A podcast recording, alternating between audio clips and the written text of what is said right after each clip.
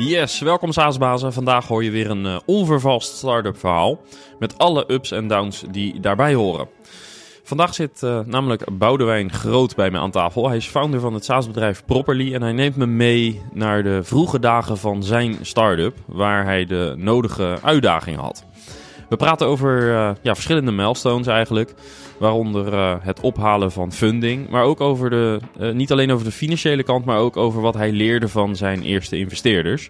En ook praten we over zijn aanpak om SaaS te verkopen via partners. Over positionering, over het samenstellen van een sterk team. En over de uitdagingen van het verkopen van een innovatieve oplossing aan een wat conservatieve markt. Ja, en ook deze aflevering wordt mede mogelijk gemaakt door Leadinfo. Want als vaste luisteraar weet je ongetwijfeld dat Leadinfo de tool is waarmee je ziet welke bedrijven jouw website bezoeken. Maar dat is niet alles, want je ziet ook hoe leads op je website rondkijken. Aan de hand van opnames van de browseractiviteit.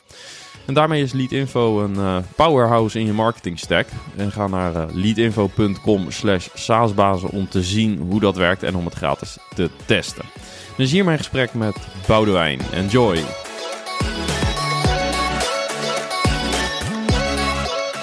Ja, Boudewijn, welkom.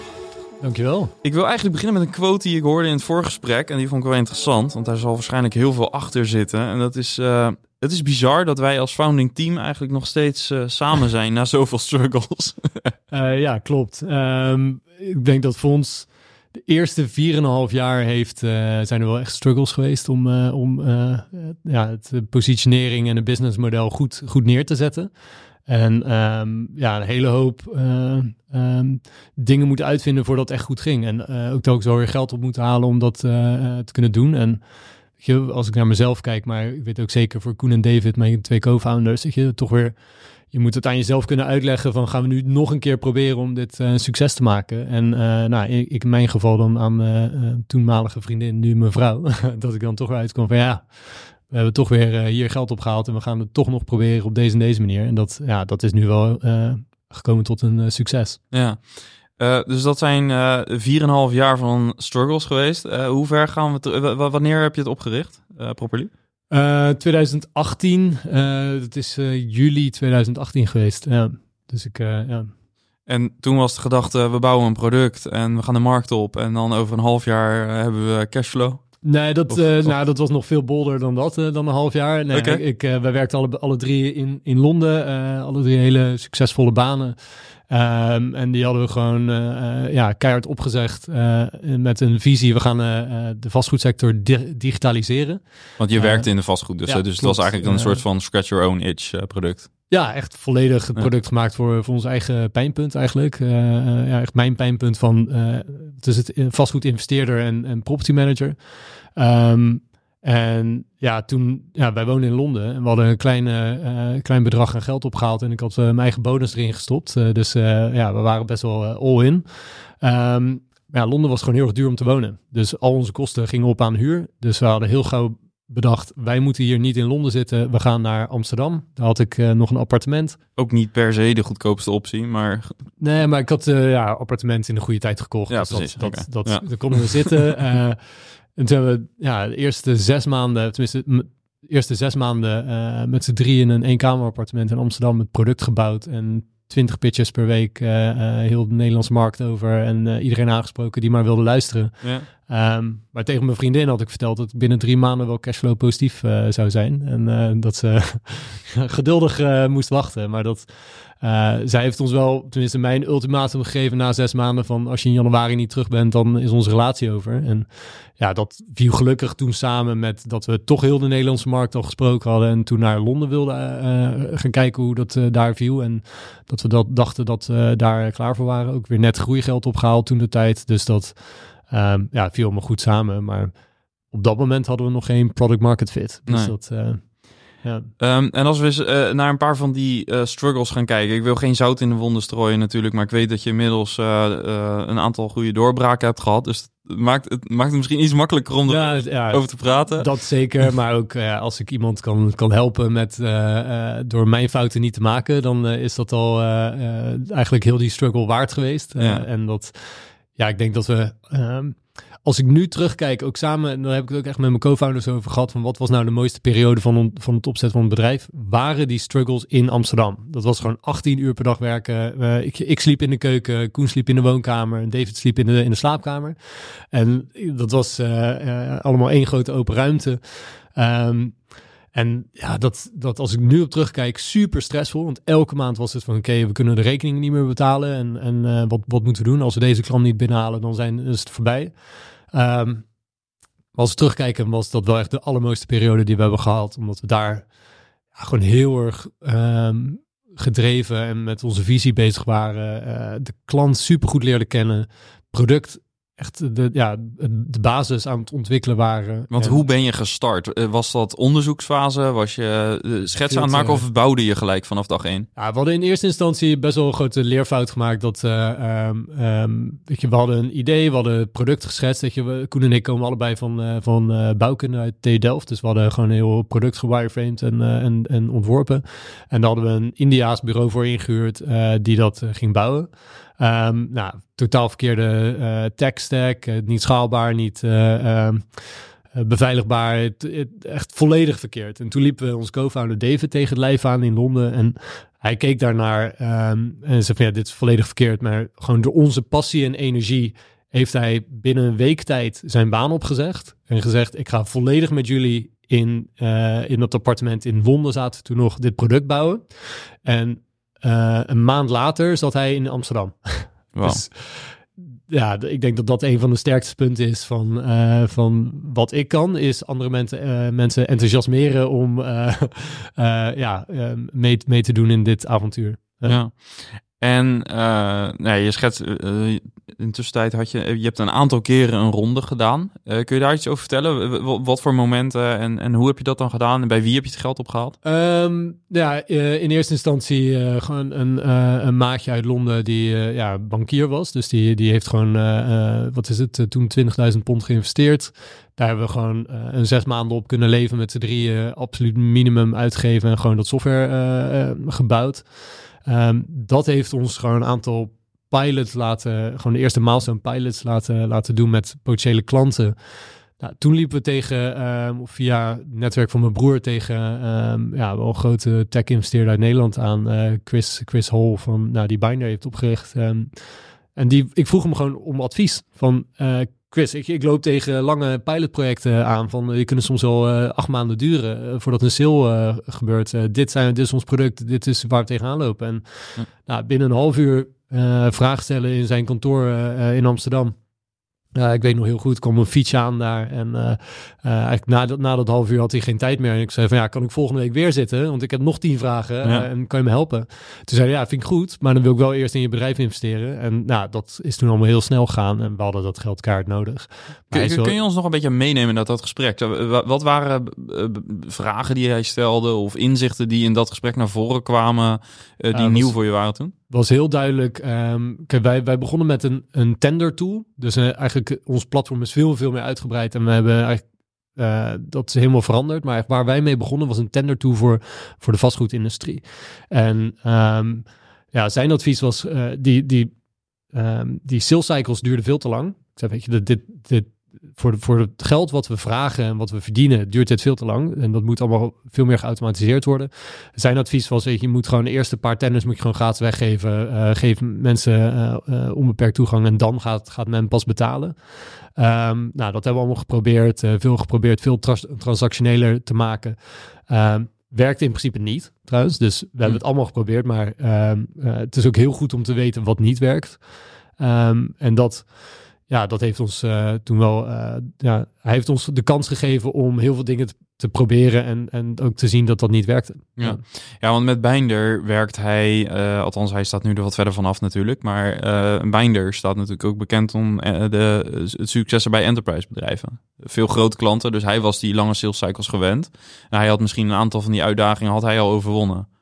Ja, maar tot, ja, het is echt totaal ander product eh, in principe. En ehm, hij keek toen de tijd ook heel anders naar ons, ons product. Mm. Ehm, dat De- dan hij- jullie of dan dat hij dat nu doet? Ja, dan ons. En ik denk dat we nu heel erg op een lijn zitten, juist van oké, we, we zien heel goed wat werkt. Maar eh, ja, doordat, in, in het begin verkochten wij het per project. Dus als jij een uh, daklaag wil vervangen, dan uh, kon je een tender doen en dan vroegen we daar een fee over. En dat, dat loste een probleem niet op van, van, onze, uh, van onze klant, onze gebruiker, de beheerder. Zij hebben gewoon een volledige portefeuille. Ze doen 300 projecten per jaar en ze willen dat overzicht hebben. En ze willen helemaal niet um, per projectje afrekenen als het ware. En dat, daar zijn ze niet bij geholpen. Dus dat, daar zijn we volledig van afgestapt toen de tijd. Maar um, ja, je wordt zo wel op het spoor gezet om verschillende dingen te proberen. En dat, um, ja, dit is een van die struggles geweest van hoe gaan we daar doorheen? En um, ja, zo zijn er nog wel meer struggles geweest uh, uh, later. Want onze sales cycle is eigenlijk nooit veel korter geworden. Hm. In vastgoed denkt men gewoon in jaren. En ja. dat, um, ik denk dat daarom, ik denk, denk dat dat een van de redenen is waarom de vastgoedsector heel veel moeite heeft met, met digitaliseren. Omdat het is best wel lastig voor een start-up om, uh, als jij een sales cycle hebt van acht maanden, om dan 1, 2, 3 klanten binnen te halen. Als, dat, als die klanten uit de sales cycle wegvallen, dan, lig je al, dan ben je al bijna failliet. Dus dat, je ziet dat heel veel start-ups op die manier gewoon klappen. En dat is, ja, dat is eigenlijk heel jammer. Je moet daar best wel grote ronde geld ophalen om dat te kunnen overbruggen. En ja. snel genoeg leren wat wel werkt en wat niet werkt. Ja, en, en um Kun je iets, iets zeggen over hoe jullie uh, steeds die experimenten deden? Dus je gaf aan dat Chris je op een, bepaalde, uh, op een bepaald spoor had gezet, of het gesprek met Chris. Um, uh, wat, wat was, wat, gebruikten jullie een start-up bijvoorbeeld? Of had je daar een beetje ja, een ik eigen... had sowieso alle boeken gelezen die, die er waren. Um, kijk, wij zijn, um, wij, we kregen op een gegeven moment een paar eerste klanten echt. Nou, dan, dan waren we daar volledig op gefocust. We waren aan het meten wat er in het, uh, in het systeem gebeurde. Dat je dus echt bij de allereerste tenders en de allereerste dingen die gebeurden in het platform, hadden we allemaal Slack uh, ge gelinkt. Dus als er dan wat gebeurde in dat Slack webhoek, stonden wij al te springen. Ja, ja, ja. Er is iemand die dit aan het doen is, weet je wel. En dat, dat werkt. Uh, ja, en dat uh, vonden we dan geweldig. En dan gingen we vervolgens weer met die persoon zitten en praten. En dat, wat voor ons heel erg heeft geholpen, en dit doen we nu nog steeds, is wij zitten gewoon letterlijk naast onze gebruiker. In person in person. En um, onze customer success uh, lead doet dit nu nog steeds actief. Is gewoon uh, gesprek opnemen, gewoon interview houden. Gewoon vragen, wat is er nou in jouw werkzaamheden, in jouw werkleven, wat, wat is het allergrootste pijnpunt? En, en hoe werk jij? En, en hoe doe je dat dan precies? Want je maakt zoveel aannames. Ik ook constant. En dat als je zelf van bewust van bent van oké, ik maak, dat, maak die aanname en het dan ook wilt verifiëren, ja, dan enige manier om dat te doen is gewoon praten met de gebruiker en gewoon naast gaan zitten. En dat daarin zijn wij uh, in eerste instantie van een eigenaarstool uh, gegaan voor of een, een, een vastgoed software tool voor vastgoed eigenaren naar een vastgoed tool voor beheerders en property managers en nu weer uh, juist voor heel die samenwerking. En ja. dat um, ja, daar moet je gewoon snel genoeg in leren. Ja, ja, dit is interessant om even op in te zoomen. En misschien wordt het voor de luisteraar hier wat technisch, dat weet ik niet. We gaan ons best doen om het, uh, om, om het duidelijk uit te leggen. Maar um, van wat, wat je mij verteld hebt, je hebt vastgoed eigenaren. Uh, en je hebt de vastgoed of de property managers, zo ja. zou je het kunnen noemen. Ja, uh, is... Misschien kun jij het veel beter uitleggen, want nu ga ik het proberen. ja, nee, dat, uh, je hebt helemaal gelijk hoor. Maar het, je ziet gewoon dat um, dat is ook een van de moeilijke dingen in, in zo'n traditionele vastgoedsector, hoe je daaraan verkoopt, is dat er zijn best wel veel stakeholders en die werken allemaal aan dezelfde gebouwen. Dus voordat jij goed hebt uitgezocht van bij wie ligt de waarde en wat kan je daarvoor rekenen qua businessmodel. Daar hebben wij best wel uh, ook ja, gewoon best wel struggles in gehad. Omdat kijk, ik kwam vanuit een uh, investmentpositie uh, en wij waren in mijn vorige baan waren wij vastgoed eigenaar, een beetje portefeuilles van 800 miljoen in Nederland. Dat um, ik had een, een product gemaakt dat een pijnpunt oploste voor mijzelf. Ja. Maar dat product moet dan wel gebruikt worden door een andere stakeholder in de sector. En dat was de property manager.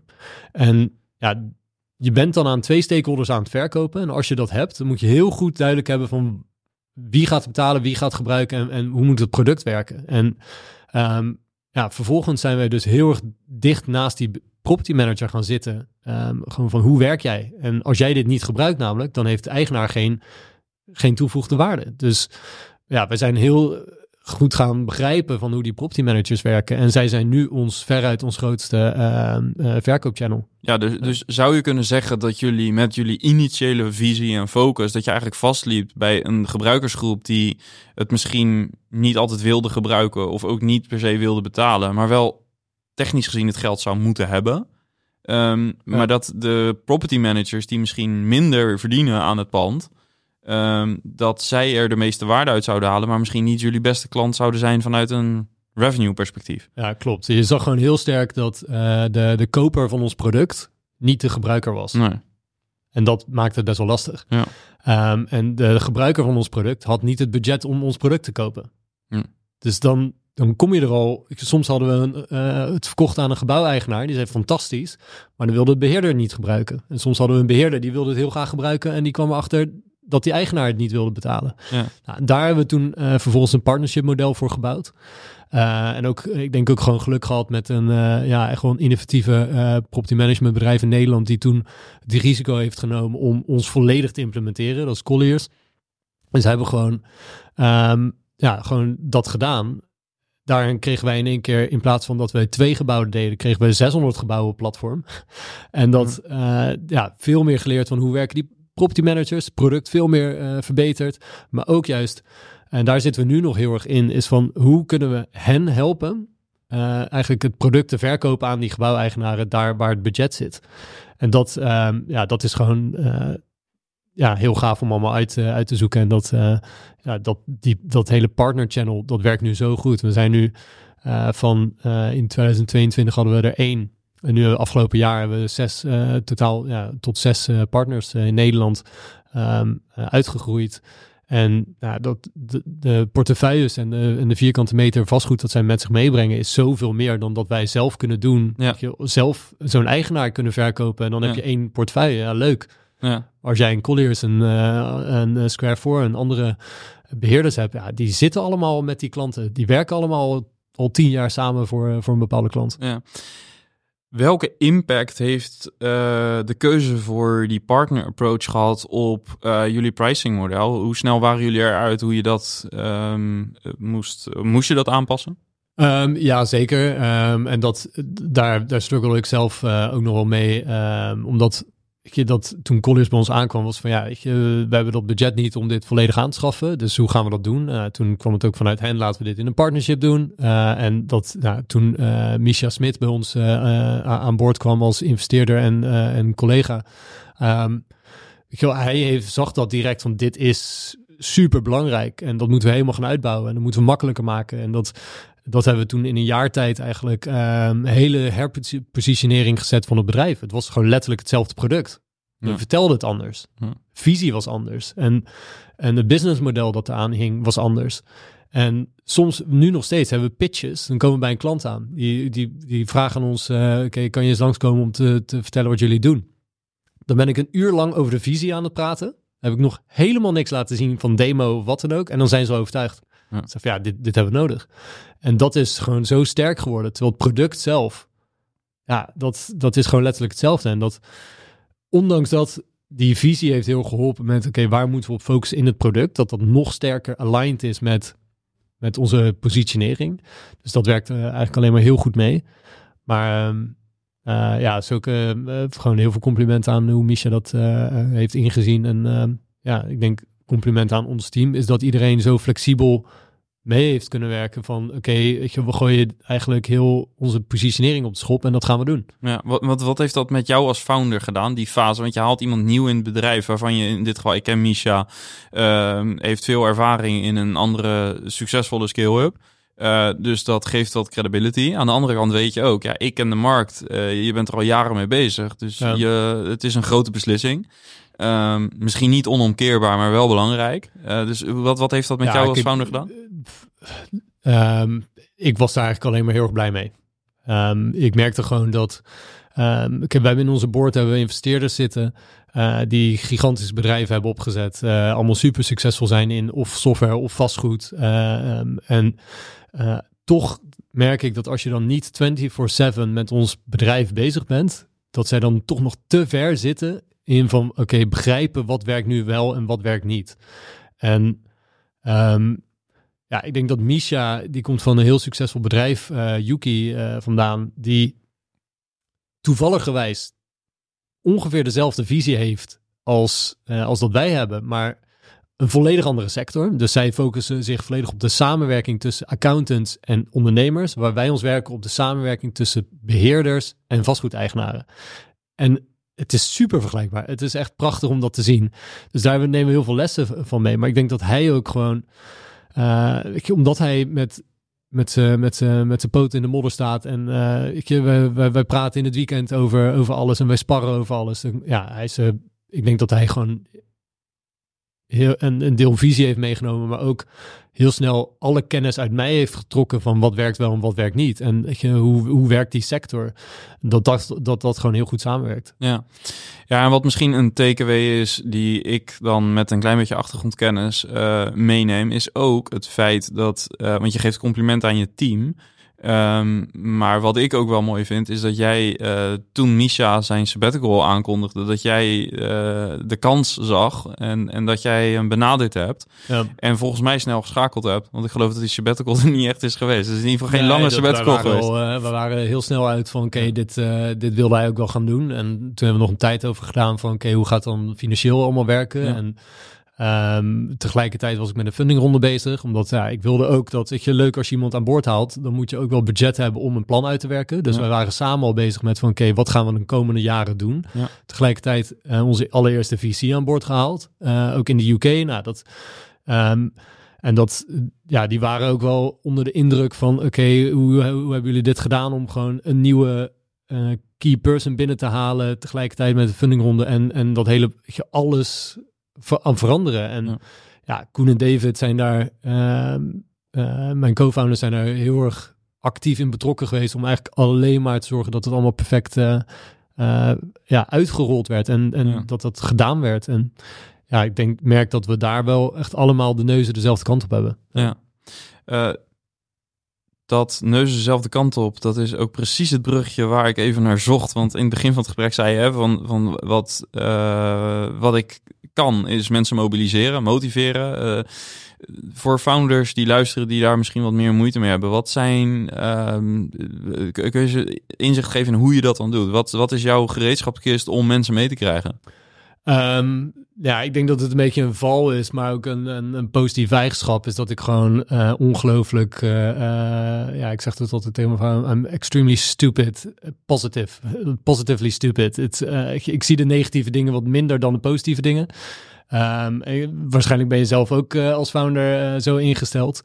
Um, heel erg positief en heel erg blij weet je wel, over de toekomst en een rooskleurige toekomst die ik inzie. En dat uh, ik denk dat, kijk, Koen en ik komen uit de vastgoedsector. Dus wij, wij wisten gewoon van als we dit probleem niet oplossen, dan gaan we weer in die vastgoedsector werken en dan weer, hebben we nog steeds dat probleem. Dat, ja. dat niemand anders is dit aan het oppakken op die manier. Dus ik denk dat dat voor mij in ieder geval een hele persoonlijke motivatie was van ja, dit gaan we gewoon oplossen. En uh, hoe de, wat voor weg links, rechts of rechtdoor, we gaan dit oplossen. En ja. dat. Um, dus het is ook mission driven. Het is en uh, ja. positief zijn, maar ook mission driven zijn. Ja, en voor David, onze CTO, was dat die begreep dat natuurlijk minder, maar dat ja, ik, hij was gewoon door onze energie en uh, en en en wat wij allemaal Weet je, dat we gewoon binnen no time, oké, okay, volgende maand zitten we in Amsterdam. Weet je, dan gaan we daar gewoon werken. En, uh, en dacht, wie doet dat nou? Weet je, dat, uh, en ja, dat, dat lukte gewoon allemaal. En dat uh, dacht van ja, daar wil ik bij horen. En dat willen we gewoon samen gaan doen. Ja. En ik denk dat we dat um, ja, wel heel erg uh, doorstralen in, in de rest van ons team. Weet je, de, je hebt Nadia hebben aangenomen voor, om de customer success afdeling te gaan leiden afgelopen jaar. Uh, je super gemotiveerd, ook weer onwijs hoge energie persoon. Maar we hebben haar super vrijgelaten in van oké, jij hebt hier de ervaring in. Wij doen dit op deze manier op dit moment. Dat gaat gewoon niet goed. Hoe zou jij dat doen? En zij krijgt zoveel ondersteuning van de rest van het development team en, en uh, haar team dat ze heeft opgebouwd om dat ook echt uit te voeren. Um, en ja, dan krijg ik van haar weer terug van, uh, weet je, ik krijg er super veel energie van dat als zij een training of een onboarding geeft aan een nieuwe klant of een potentiële klant, dat mensen daadwerkelijk bijna van hun stoel afvallen. Van, wat doen jullie dat echt voor ons? Is dat, is dat de service? Is dat inbegrepen in de service? Ja, dat, dat is fantastisch om te horen. Ja. Um, wat zijn andere um, tips of uh, misschien ervaringen die je zelf hebt opgedaan in het, in het uh, samenstellen van het team? Dus misschien niet zozeer in het ontwikkelen van, maar het samenstellen van het team. Want ik hoor je dus over Misha, ik hoor je over, uh, moet ik even zeggen, David, ik hoor je zeggen over Nadia. Eh, dat klinkt echt allemaal als sleutelspelers. Ehm, Ja. eh, wat, wat is jouw kijk op het bouwen van een sterk team? Zijn dat sterke individuen of, of heb je, bouw, je, bouw je een mix met competent? Neem ons mee. Ja, ik denk, ik denk dat, ehm, ehm, en dit is ook wel weer heel erg ehm, iets wat, wat Misha ook wel weer sterk in is, is, ik heb Misha die kwam bij ons eh, vanaf echt januari vorig jaar en die, die werkt dan met ons mee, die gewoon fulltime bij ons in het team. En die zag eigenlijk al heel snel van, oké, die persoon zit eigenlijk daar niet per se op de juiste plek. Dus het is heel erg, wat bij ons heel erg heeft geholpen is, van oké, zet iedereen in zijn kracht neer. En, en ja, die rollen werden, werden duidelijker. Ehm, iedereen werd ook blijer in, die, in, in, zijn, in zijn eigen rol. En dat is ja, super versterkend geweest. En dat, eh, ik denk dat dat... Ik heb daar zelf heel erg van geleerd. Eh, veel meer naar gaan kijken van... eh, oké, hoe, hoe zorg je... Zit iemand wel per se in zijn sterke kracht? Eh, en, en is die misschien al zover om dat allemaal te managen en te regelen? Ehm, en ja, dat, dat heeft enorm geholpen. Ja. Ik denk dat je dat constant moet blijven doen. En, en waar kijk je dan met name naar? Ehm, ja, nou, eh, ik op gegeven ons, ons allergrootste gedeelte van, van het team is altijd development geweest. Ehm, ehm, en als je kijkt naar, eh, dus we hadden tien, tien man aan developers in dienst. Nou, dan hadden we onze, onze CTO, eh, is gewoon een persoon die is super sterk in lean nieuwe producten bouwen. Maar niet per se nog in het managen van een, van een team van tien personen. En dat ja, super eh, efficiënt en, en, eh, goed managen. Die liep gewoon over. Dat merkte gewoon van ja, eh, weet je, die kon door de, door de bomen het bos niet meer zien. Ehm, en ik denk dat ik je daar leert hij nu nog steeds heel veel in. Maar we hebben hem toen in zijn rol gezet van oké, jij moet gewoon met de nieuwe innovatie in ons bedrijf bezig zijn. Eigenlijk voor de troepen uitlopen van, je, wel, David laat zien hoe je, hoe je dit op de juiste manier neerzet. Hoe je dit op de juiste manier eh, weet je, qua architectuur bouwt. eh, eh, schaalbaar eh, neerzetten. En vervolgens sluit de rest van het development team aan bij hem. Een heel goed voorbeeld daarvan is eigenlijk, ehm, eh, wij hebben op een gegeven moment de, de beslissing gemaakt van, wij gaan, wij, wij focussen ons volledig op technisch management in, in property en asset management. Dus alle techniek in één platform. Dus wij zijn gaan kijken naar onze gebruikers. Nog, nog veel. we dachten dat we al alles wisten van onze gebruikers, maar nog veel meer gaan kijken en, en gesprekken voeren. Van wat doe jij nou als technisch manager gedurende een hele week in jouw werk? En dat zijn we allemaal aan dat ene platform gaan bouwen. Nou, als resultaat kwam daarvan kwam dat wij eigenlijk ticketing, dus helpdesk feature voor, voor gebouwen, werkt het licht niet, dan eh, kan je een fotootje maken en wordt dat zo eh, in platform eh, gezet. Kan dat naar leverancier toe. Dat miste nog bij ons. Dat hadden we niet gebouwd. En dat was een bewuste keuze, omdat je dan weer heel gaat concurreren met allemaal andere startups en andere grote bedrijven die al bestaan. Ehm, maar eigenlijk in onze visie van al, alle techniek in één platform was dat super logisch. Nou, David heeft dat toen als, als project aangepakt. En gewoon een kwartaal, drie, vier maanden fulltime daarop geze- gezeten van dit gaan wij dit jaar lanceren. En dat helemaal eh, vanzelf eh, weer, weer gebouwd. En vervolgens hebben we steeds meer resources daarop eh, gezet om hem te, te ondersteunen en te bouwen. En dat hebben we eigenlijk in ehm, vijf, zes maanden volledig gebouwd. En ja, binnen, hetzelfde, binnen dezelfde tijd hadden we vijf klanten die daar voor tekenden. Hm. Ehm, en, en daarmee eh, dat mee wilden doen. En ondertussen eh, liet je iemand anders meer het eh, dagdagelijkse eh, Ja. leadership doen over het team. Ja, dat was ehm, ook wel een hele natuurlijke eh, groei voor, van een, eh, ehm, eh, ja, we noemen dat nu eh, de teamlead in Brazilië. We hebben ons eh, development team zit in Brazilië, omdat David komt van origine uit Brazilië, ondanks dat hij 16 jaar eh, in Londen heeft gewoond en daar eigenlijk is opgegroeid.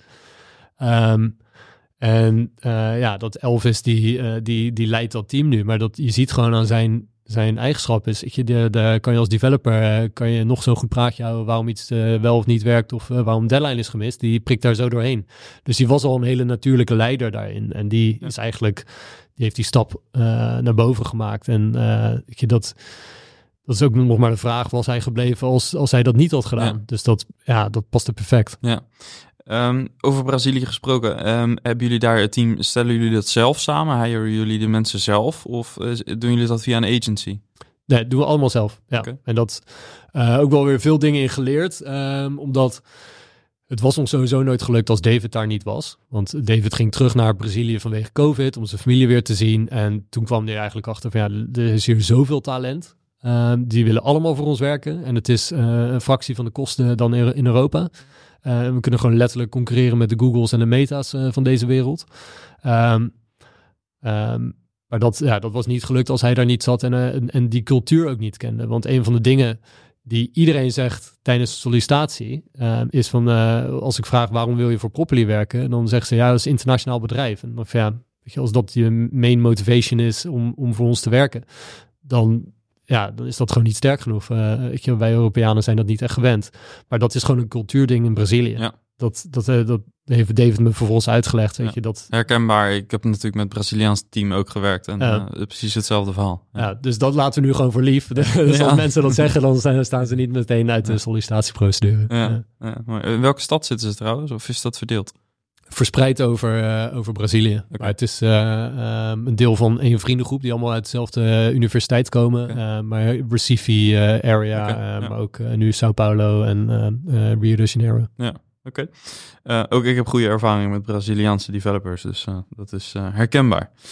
Ehm, ja, een, een ander thema wat even viel, en eh, misschien goed om daar nog even op, op door te gaan, want dat is ook wel iets wat ik vaker hoor bij bedrijven die focussen op een wat traditionelere markt, eh, of waar überhaupt SaaS-producten nog niet zo makkelijk eh, geadopteerd worden. Eh, dat is de CS-aanpak, wat Nadia er eh, verantwoordelijkheid dan is, denk ik. Ja. Ehm, wat, wat zijn, ehm, eh, los van het heel ver willen gaan in eh, klantgerichtheid, wat je al zei. Wat zijn nog andere lessons learned op het gebied van eh, customer succes voor zo'n eh, doelgroep? Ehm, ik denk dat ehm, ik heb, ja, de, vastgoedsector is gewoon super ouderwets en traditioneel. Dus ehm, je hebt heel veel wat, wat oudere witte mannen daarin werken. Weet je, dat.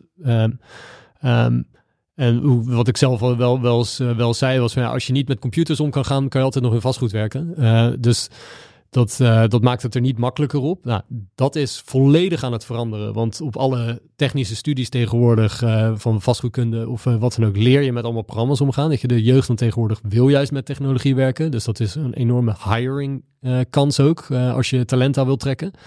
Ehm, maar de, ja, echt change management is gewoon heel erg nodig in, in customer success. Dus het begint allemaal met één, weer gewoon je klant begrijpen. Dat als je, als je, wij begrepen op een gegeven moment gewoon van, oké, een property manager ontvangt gewoon 200 e-mails per dag. Die loopt helemaal over. Is al ondergewaardeerd in onze industrie.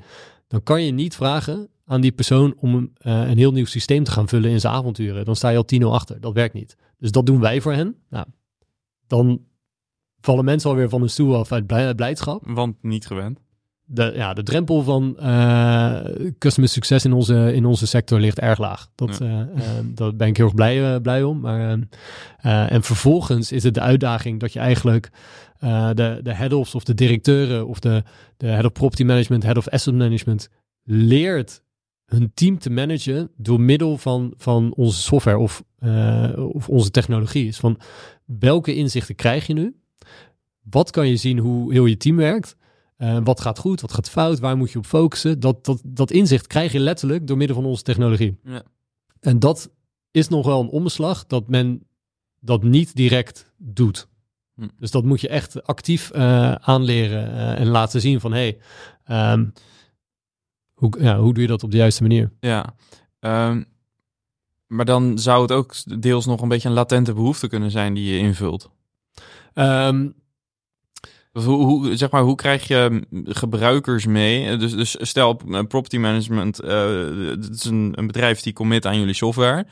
Um, dat kan misschien het management zijn, een, een vooruitstrevender iemand, een visionair iemand. Volgens mij zei je daar in het voorgesprek ook iets over. Ja. Hè? Dat, dat misschien in het management iemand die jullie software, uh, die uiteindelijk de beslissing uh, neemt en zijn handtekening zet, die uh, gelooft misschien heel erg in. Maar dan op de werkvloer, als men daar traditioneler is en denkt, uh, hoe kun je daar vanuit CS practices, zeg maar, beweging in krijgen?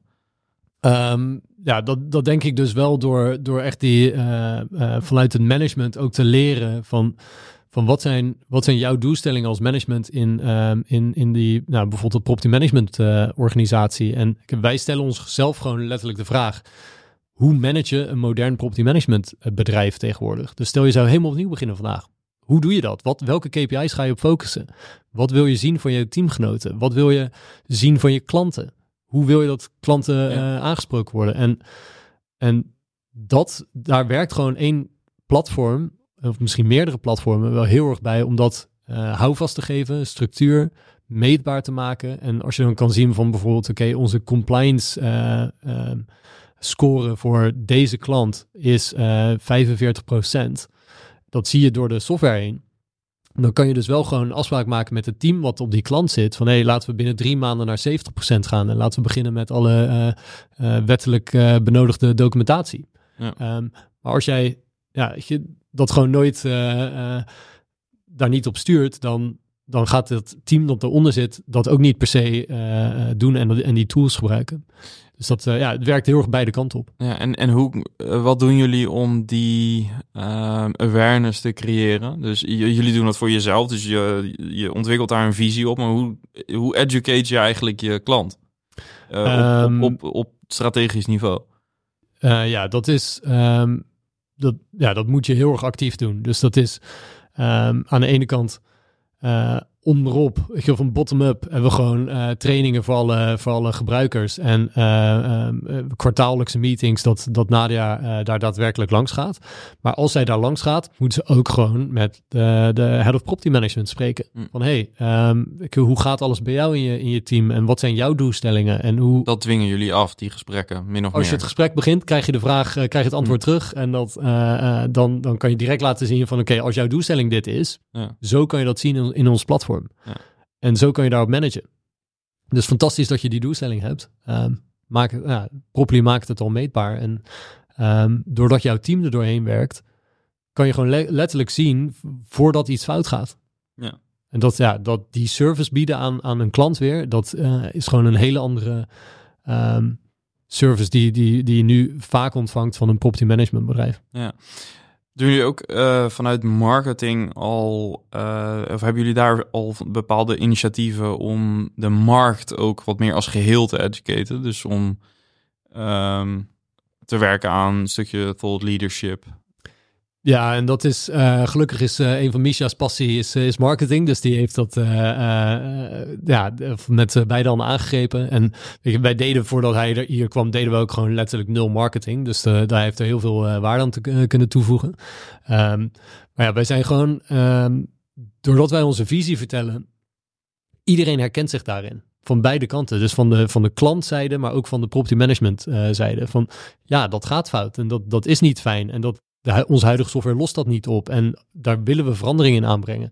Ehm, dus dat, ja, daar merk ik dat eigenlijk eh, van de marketinginitiatieven die wij doen. En dat is gewoon letterlijk video's opnemen waar ik aan het vertellen ben van waarom zijn we dit bedrijf begonnen en waarom bestaat Properly en, en, en hoe werkt nu een, een eigenaar. En als jij ehm, vastgoed in eigendom hebt in meerdere landen, pan-Europees, gebeurt heel veel, dan, dan weet je nu al dat jij op verschillende manieren je data binnenkrijgt.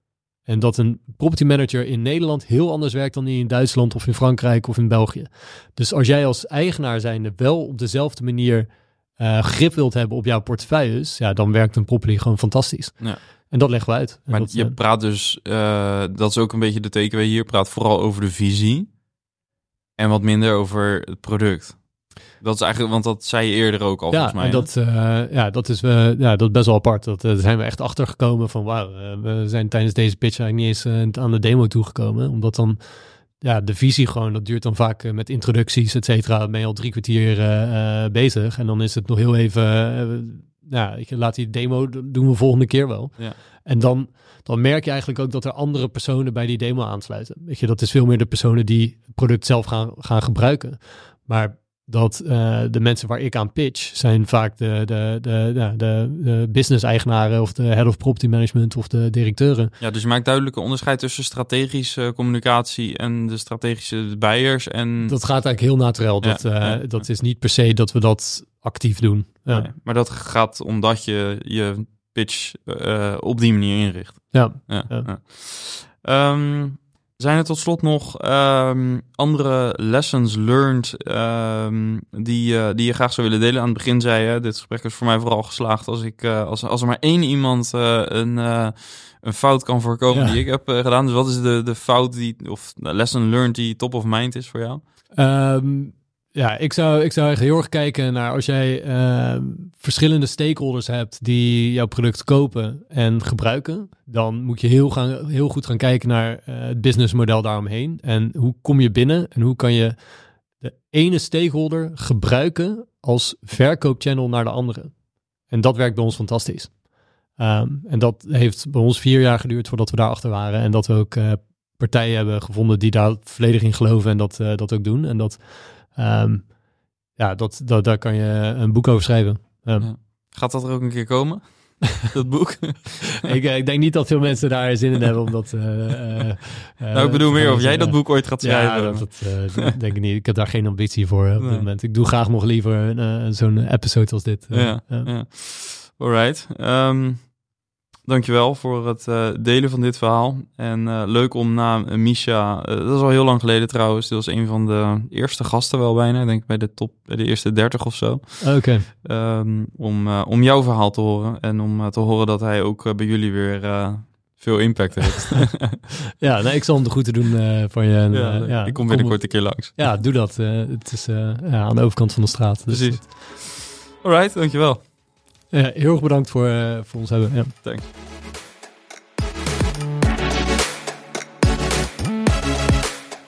Alright, en dat was mijn gesprek met Boudewijn. En het zijn precies deze verhalen die het eh, maken van deze podcast zo, eh, zo leuk maken. Dus nogmaals dank Boudewijn ook voor het delen van deze enerverende reis. Ja, was deze podcast waardevol voor je, of deze aflevering, of eerdere afleveringen? Ga naar saasbazen.nl en word lid, als je dat nog niet bent natuurlijk. Samen met honderden andere SaaS-bedrijven krijg je toegang tot extra's, tot extra resources, opnames van onze events bijvoorbeeld, of templates en andere soorten bonus content, maar ook kortingen op events en eh, heel veel andere extra's. Check de link in de show notes. Dat was hem voor deze week. Thanks, ciao!